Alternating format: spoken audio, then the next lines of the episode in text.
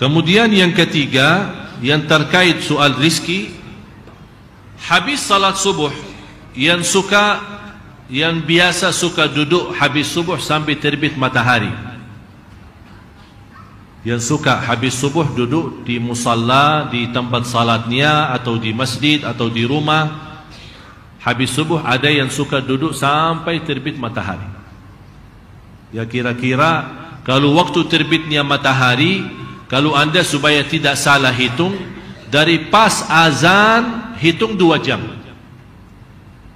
mulai pas azan hitung dua jam kalau hitung dua jam berarti anda habis dua jam boleh salat. Tapi sebelum dua jam kira-kira dua puluh minit antara lima belas minit sampai dua puluh minit matahari memang sudah terbit. Tapi saat bersis terbitnya matahari tidak boleh salat. Harusnya habis terbit matahari kira-kira lima belas sampai dua puluh minit baru boleh anda salat. Jadi mau hitungkan waktu terbitnya matahari pas azan kira-kira satu jam empat puluh minit. Mulai dari waktu. Misal kalau azan jam empat ya anggap azan jam empat. Kapan terbit matahari? Hah? jam empat puluh atau empat lima. Kapan saya boleh salat? Lima belas menit lagi baru anda salat. Dari anda salat itu bisa salat namanya isyraq atau syuruk ya. Ada orang bilang syuruk.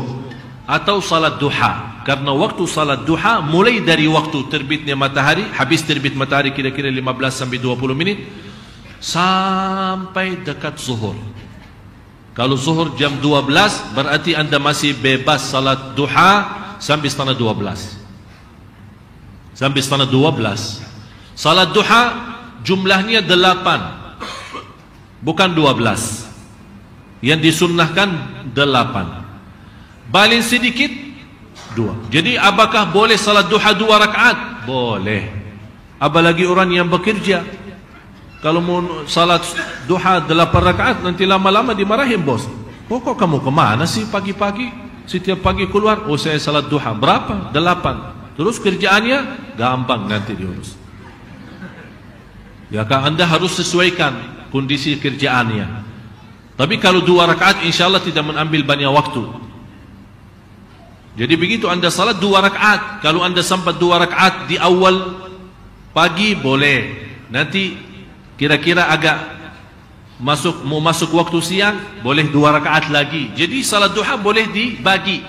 Misal jam jam jam setengah tujuh, sebentar jam sembilan, sebentar lagi jam sebelas. Dan yang paling afdal dalam salat duha empat rakaat. Yang paling afdal salat duha empat empat rakaat.